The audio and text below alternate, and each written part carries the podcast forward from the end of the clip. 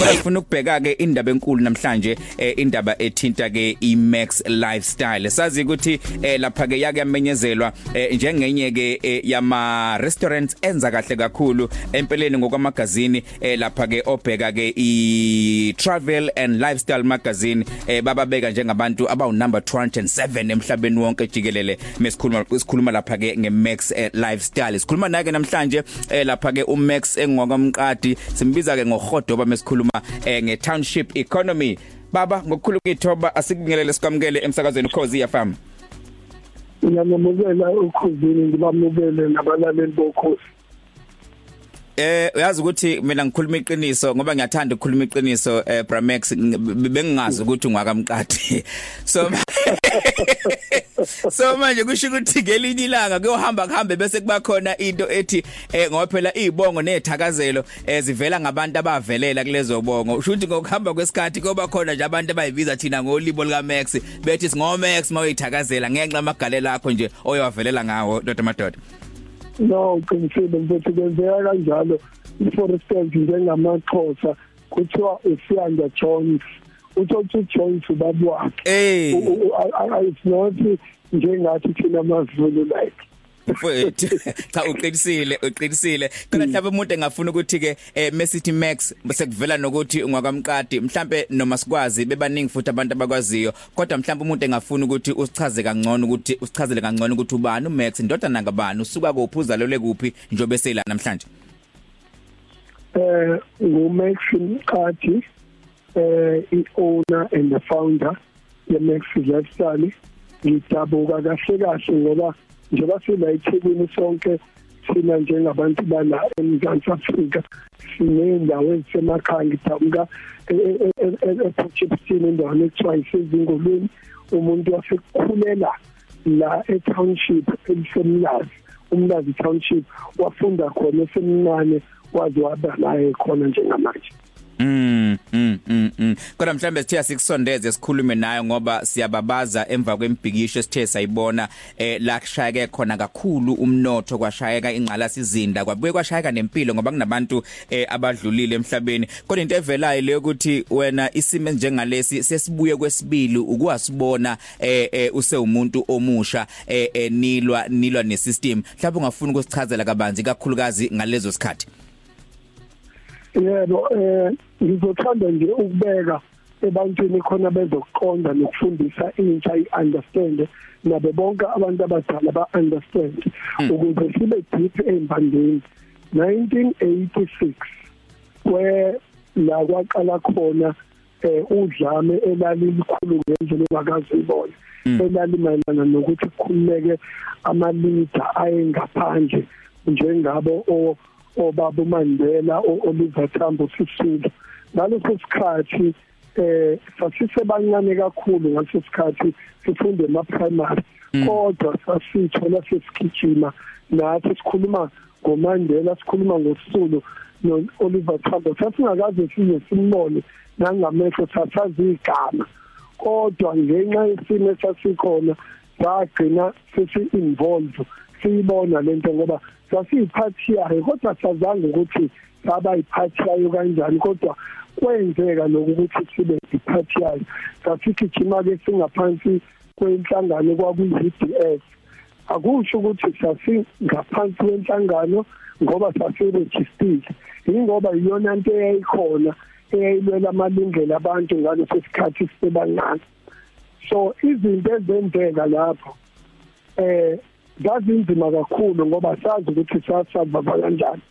Ngoba sasishawa ama ama ama ama ama abamaphoyisa shawa amabhunu esikhiphe endlini ngoba nathi sasibhikisha but umbhikisho ngaleso sikhathi wawuhlangene nokuthi sifuna ukukhululwe ama leaders e-ANC ukuthi akhululeke sikwazi ukulwela inkululeko le kululeko namhlanje esinayo into engingasoze ngayikhohlwa enga engangitshela ukuthi kuyidemocracy ngeke iphinde yenzeke. Mm ngeke iphinde yenzeke kodwa ngizama ukulalela usayichaza eh kukhona isithombe sifikayo kumina ukuthi eh mhlambe ngalesa sikhathi ungasho ukuthi kwakufanele uma nikhalaza nisebenzise lo lalaka nisebenzise lo ladlame eh ngendlela eh, izinto ezaziyona menibheka uhulumeni wayephethe isystem enaniphila ngaphansi kwayo. Kodwa umuntu ufuna ukubheka ukuthi emva kobandlululo mhlambe eh ibikhona into ibingenziwa mhlawumbe bingafundisa abantu ukuthi uma sikhuluma sifuna ukuveza izimvo zethu kukhona izinto esingekho happy kumbe singajabule ngazo eh mhlawumbe kumele sishintshe indlela yokwenza izinto. Singasebenzisi le ndlela sesiyisebenzisa ngesikhathi sobandlululo sesiyisebenzisa manje ngoba kushayeka inqala sizinda kwashaya kumnotho and uzophinde futhi ubeke ijoka kumbe ucindezele kakhulu thina sesikuwona uhulumeni eh wentando yeningi. Yebo impela. Mesingachaza nje size sifike esimeni esenzeke manje. Ngizwe ngidumala. Kwafika ngisho inyembezi Hmm. ngicabanga ukuthi ngangingazi ukuthi lesasimo esifana njengalesa siyokwenzela sifikele futhi and futhi siqale futhi ema emalokishini nazo zonke le ndawo eziqale sikhona especially endaweni emlazi ngoba iyona yakhungatheka kakhulu ngaleso sikhathi ngazo bedubedube zodlame umuntu akazange alale even today ubuthongo bengingafiki ngoba angazi sifike kanjani la sikhona and azange siyibone lento ukuthi it's coming Mm. I don't know ukuthi iqale kanjani I don't know ukuthi kwenzeke kanjani umuntu iyafika wangakwazi nokuthi konje lento efana njengale uzoyithimba kanjani siyenze? Cabanga ukukhulela emlazi. Ukhule unentshisekelo yokuthi ufuna ukuthuthukisa umphakathi wakho ungayi esilungwini. Uthi ngizohlala ngifake ngifake ngitshale khona ukuthi create ama-job omsebenzi ngasekuseni siyavuka indawo yakho isevandaliziwe ivandalizwa ibona futhi abantu abakithi abamnyama.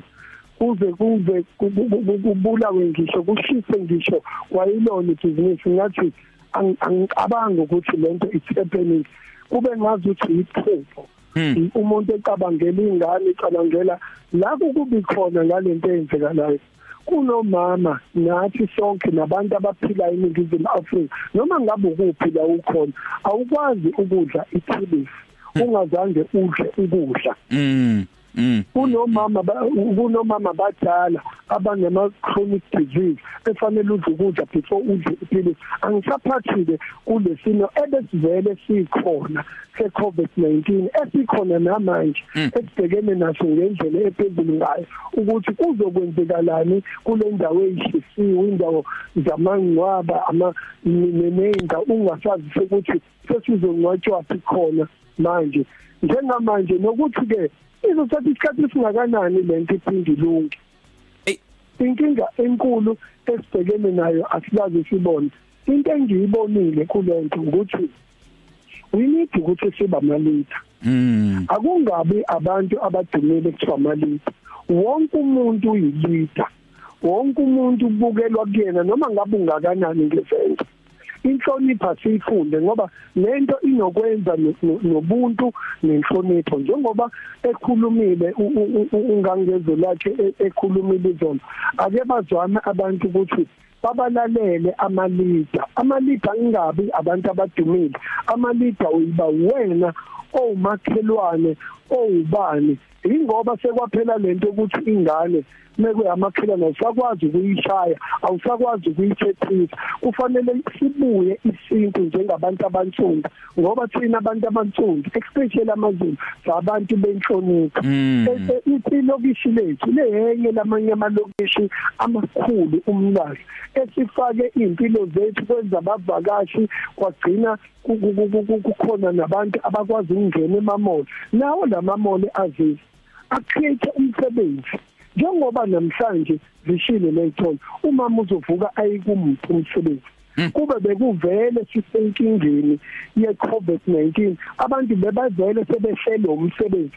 Manje nje sihle elembiza sishasha abantu abansundu ekakhulukazi abantu abansundu doesn't mean ukuthi abantu abamhlophe aba-affectekile i-supply chain khona into ekuthiwa isulu ingqolobani ayikaze ishawe inqolobani ayikaze ibulawe inqolobani uma usubulala inqolobane ubulala isizwe. Mosubulala la kugcinwa khona ukudla kwenzela ukuthi nekufika ubusika ukwazi ukuthi kudliwe ebusika ngoba ukudla kusuke ngekho kuyavuna kuyenziwa ngehlobo. Kuhambe kuyofakwa enqolobaneni kwenza ukuthi mekusebusika sikwazi ukudla impuphu nombila nani. Sonke lezo zinto namhlanje asikho kuthatha isikhathi kubaphathi base kubaphathi bethu abasiphethe bakamasipala nokuncenca nabantu ukuthi bazosidivela phela le ndawo ngemistakes esayenza thina ngo20 ngo ngo ngo80 ngo86 fanele ngabe safunda uma ngabe khona umuntu osaphila afanele owayekhona ngaleso sikhathi afanele ngabe lento yenzekile uma ngabe ngempela fanele siyinuka amakhwapha as the leaders as the community njengama community njenga njengomphakathi njengosomabhizinisi njengama forum njengama council ukuthi yenzeke kanjani lento sikhona. Kanti yini umsebenzi wethu as a leader? Okay kodwa mhlambe ngiyathanda ngoba ukhuluma eh ngebusiness kakhulukazi mesibheka ibusiness lakho emlazi uthi awushiyanga emlazi ubongashiya ohlala kwezinye indawo kodwa uthe yakhe ibusiness khona emlazi and mawubheke ibusinessini lakho sikhuluma ngabantu abawetayo sikhuluma ngobamene sikhuluma ngama security sikhuluma ngama prime masters sikhuluma ngabantu abawasha imoto abantu abashintsha indawo zabo aba around indawo yakho bathi sizokwenza i-accommodation abanye bavumela indawo zapaka emzini yabo benza imali so ufuna ukuveza ukubaleka kwebusiness lakho kule ndawo yasemlazi. Umuntu engafuna ukubheka ukuthi kulokho kwenzakalile njengoba amabhizinisi amaningi ayashayeka wena uye wathinteka yini kulesimo besiqhubeka ngokuthi kushiso noma kuvandalize ngicela ukubonga umphakathi as a whole. Surrounding especially kaVi nabo abantu basemlazi yila ubona khona ukuthi umuntu ukanjani ukanjani wena ebantwini? Wena uphila kanjani nabantu? Isona isikhathi esinzima ke la ukwazi ukubona ukuthi ukuyikhala ukuthi emphakathini kanjani. Ubabona la kufanele ngabe benze into wrong ukuthi bayiprotectile. Umphakathi uyiprotectile abantu bangakavi abazange balale beprotector ibhizinisi ngaphandle ukuthi ngifake abantu ukuthi baligadi bathi lento be beyond security. Ngisifuna unembeza. Nento yenzela abantu njengoba imax lifestyle ino 21 years.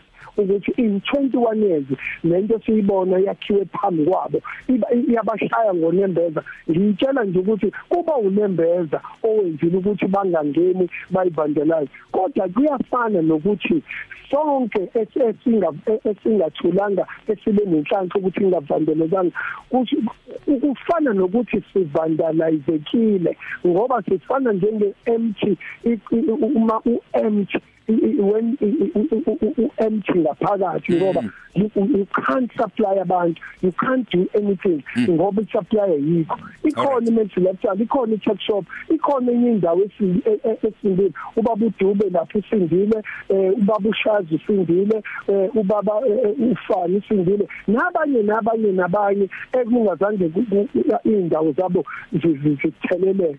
Kodwa kufana nokuthi sishayekile ngoba izivakashi uzosithatha isikhathi ukuthi abantu bayithembe ilokishi noma ngabe ikuphi akuyona phela imax lifestyle ibalekile wonke umuntu okhona onebhizinisi elokushini ubalulekile.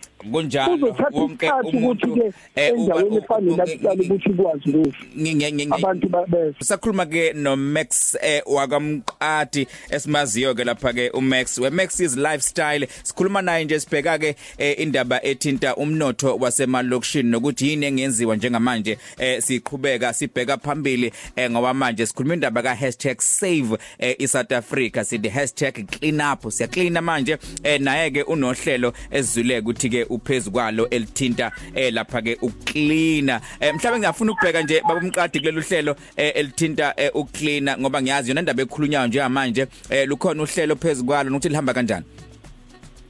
Eh uhlelo esiphezulu already sesiqalile la ngakavi ukusukela kumsibusiso mdakane ekseni kuzongena kwinoli le eseduzane eh, eh, eh, kwami la ebeyino Shoprite sekukhimile bangena ngaphandle ka Shoprite baphina wonke isibusiso mdakane nje basikhuluma nawo usukhini sefanele sisuke manje la kavi sihambe phansi kwemagasithi ngoba bakhona abasemagasithi eh abanye bazohamba ngemenga City Highway but lolu hlelo lolu ebengicela ngicela wonke amakhansela wonke umphakathi uvolunteer ukubuyisela i-township yethu sakhulela kuyona safunda kuyona saphinde sayidevelopa kaba yiphansi ye-development ukuthi asiphume umuntu aphume neplastic aphume nomshanelo sihambe siyoshanela emgwaqweni ungashaneli ngokuthi ikwami noma ingakhona kwakho.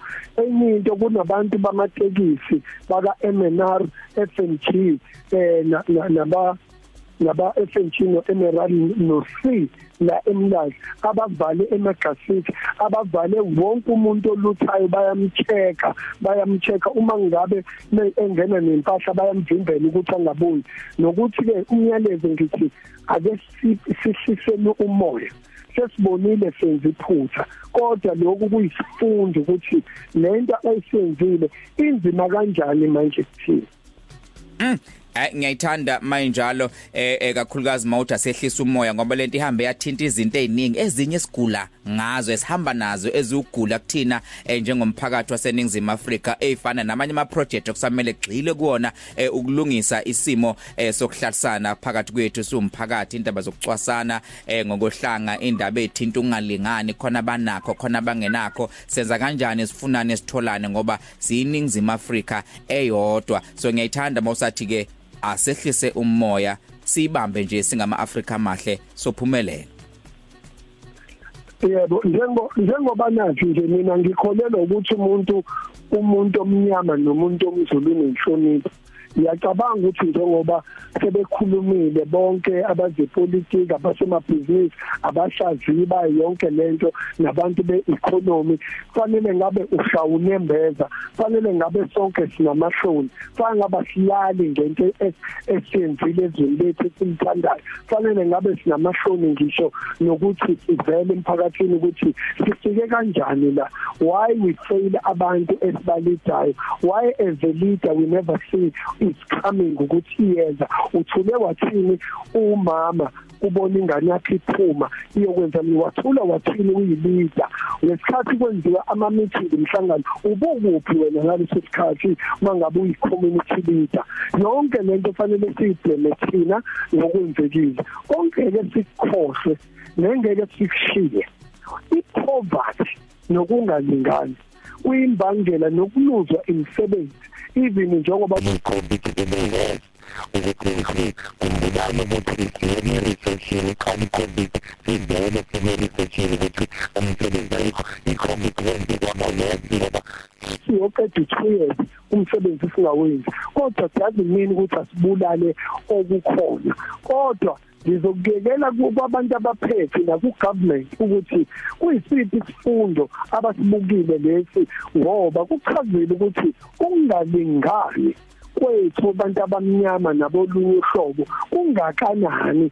Ngoba uma uthi uyabuka lapha ekulutheni it was not only criminal kungaba criminal kusaqala kodwa busuthola umama omdala. Umama omdala akakwazi ukugqekeza isitolo akakwazi ukushaya. Kodwa beyothatha ngoba sebona ukuthi izingane zakhe uzolala engadlile ngoba kusekho lutho akuba bonke abantu ekade babona lapha abayizigebengu. Bakhona labantu aba behind izigebengu uma ngabe buyiphathi yaloko uthini unembeza wakho? Njengoba sekunje uthini ngezingane zethu? Uthini ngegeneration esiyakayo sibe kunabantu abafela lezwe basinda abanye bangefa. Iyona nkululeko yini le esasiyifunile eyalelwa ubaba uMandela osisulu? Konke lokho uma ngabe ubusinessman fanele uyazi imvelaphi yakho uyazi history uyazi imfundiso yomuntu omnyama ukuthi umuntu omnyama fanele ahloniphe ahloniphe ahlonipheke ukuze nawe abantu bakuhloniphe fanele uyihloniphe.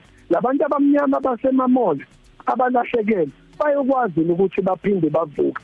Ingane zabo ziyothina emafasiti yonke lezi zinto odokotela abashisela izinto abasemamall every time mesenza into asingayenzi into singawathatha ama decisions sidiniwe asingawathatha ama decisions ngeexcitement sihappy ngoba ila senza khona ama mistakes you need to come and think again before ubuke ukuthi mase kwenzekile lokho? And then kuzokwenzekala ay baba ngokukhulu kwithoba siyacela ukuthi sikubambe la kuningi kakhulu esikutholile nesikuzuzile and lenkulumo yakho sokwenza sure ukuthi abantu bayithola kuma podcast okhozi FM eh lapha ke eh, eh, eh, le akade siyikhuluma la. Asicele nje futhi ukubatshela abantu abantu abakudingayo enkundleni zokuxhumana eh ngiyazi ukuthi kuzo zonke nje Max Lifestyle mawubhale kanjalo eh ngeke bengakutholi beqhubeke bekulandele ngomsebenzi wakho omuhle wenzayo siyabonga kakhulu amazwi ahlakaniphile amazwi agqugquzelayo amazwi akha ekhaya khomba ukuthi eh, awuyena usomabhizinisi kuphela kodwa futhi umholi. Ngibonga kakhulu ukhozi emaphiko phiko ukhozi labantu elikwazi ukufinyelela. Ngiyathemba ukuthi le nkulumo esikhuluma izofika endlebeni ezivundile abantu bayithathe lento bazibuke bayinuka amakhwapha ukuthi sifike kanjani la. Sesiyaphi phambili? Njengamanje osekwenzekile sekusekwenzekile. Asibheke manje ukuthi from siyaphi mesisuka la. Sizozama nathi so businessmen sikwazi ukuhlangana nomasipala sihlangane no government sikwazi ukuncedisa singaphinde siyenze iphutha elifana njengale siyabonga COVID. Right sibonga kakhulu noma kanjani ubaba uMax Mqadi weMax's lifestyle besikhuluma naye sibheka ukuthinteka kwakhe eh kanjalo nokubaleka nje komnotho eh lapha ke wasema lokishini kanye nawe.